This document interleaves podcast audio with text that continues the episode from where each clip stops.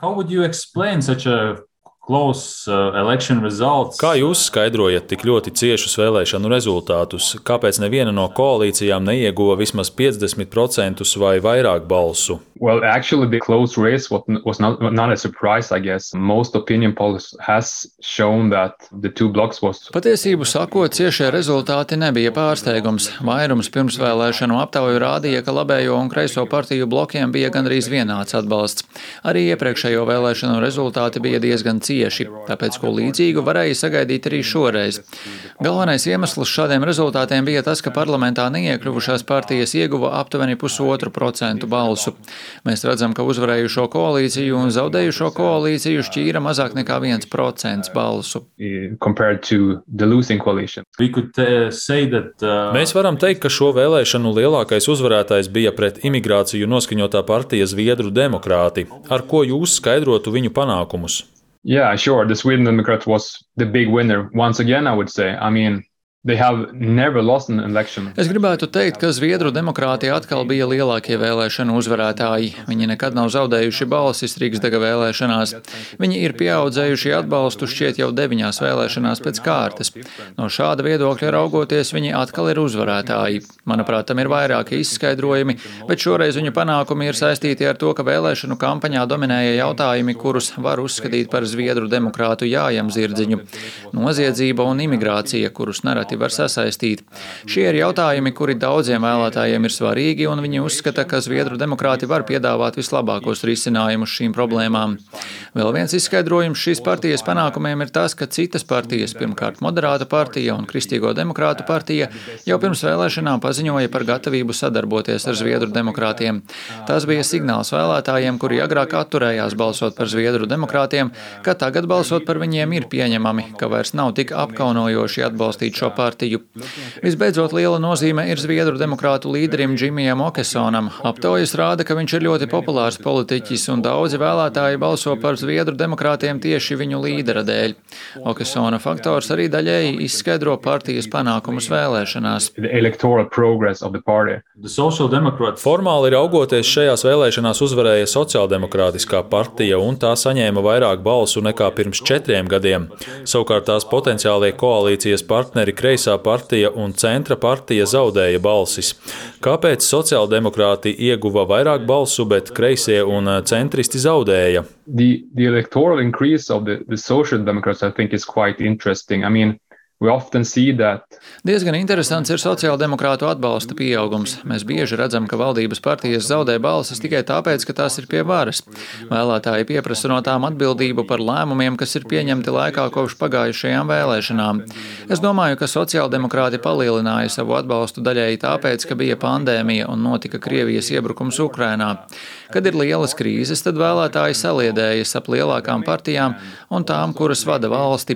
Runājot par pārējām divām minētajām partijām, es domāju, ka kreisās partijas un centra partijas atbalsta kritums daļēji ir izskaidrojums ar atbalsta pieaugumu sociāldemokrātiem. Vēlēšanu rezultāti liecina, ka abas partijas piedzīvoja lielas daļas balsu aizplūšanu tieši pie sociāldemokrātiem. Un centra partijas gadījumā vēlētāji neredzēja, ka ir kāds jautājums, kurā šī partija ir pietiekami spēcīga. Centra partija sevi galvenokārt pozicionēja kā spēcīgu oponentu Zviedru demokrātiem, bet acīm redzami ar to nepietika, lai iegūtu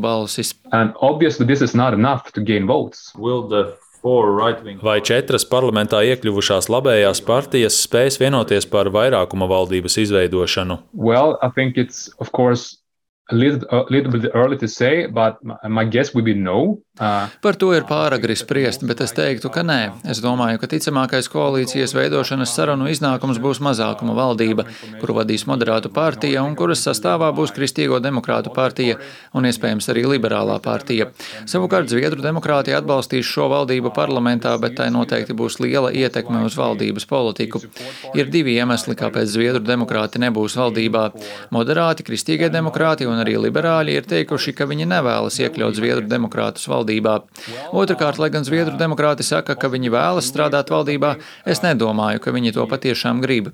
Esot ārpus valdības, bet atbalstot to parlamentā, Zviedru demokrāti varētu būt tāda kā pusopozīcija, kas viņiem ļoti labi derētu. Cik liela ir iespējamība, ka sociāldemokrātu partija varētu turpināt vadīt valdību? The parties to the right have uh, promised to